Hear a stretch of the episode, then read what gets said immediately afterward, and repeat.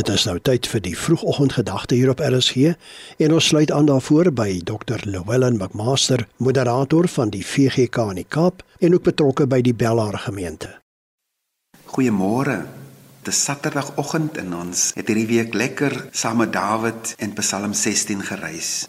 Die laaste twee verse van Psalm 16 bring eintlik alles lekker saam.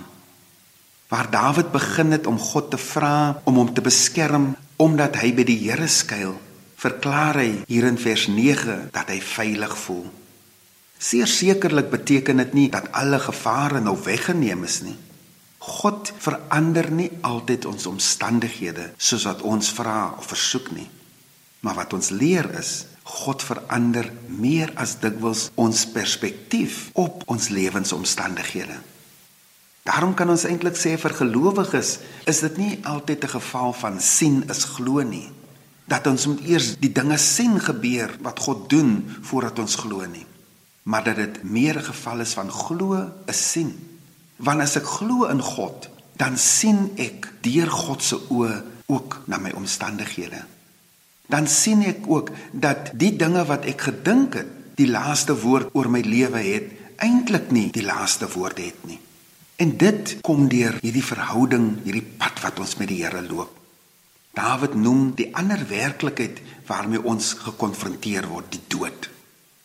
God se openbaring aan hom het hom ook tot ander insigte oor die dood gebring. Die vrees vir die dood word weggeneem. Die dood het geen angel meer nie, sal Paulus later verklaar, omdat die Here sy erfdeel, sy lewe is weet hy nou verseker dat die Here hom nie aan die dood sal oorgee nie. Dit alles maak hom vry om te leef. Hy sê: "U leer my hoe om te lewe." Vir ons as Christene behoort hierdie boodskap as dit ware nog meer krag te dra. Ons het kort gelede Paasfees gevier. Ons het gesê hy het waarlik opgestaan. Ons het kom leer dat uit Christus se dood ons waarlik kan lewe.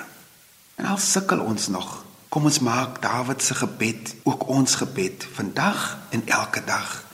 Here, leer my hoe om te lewe.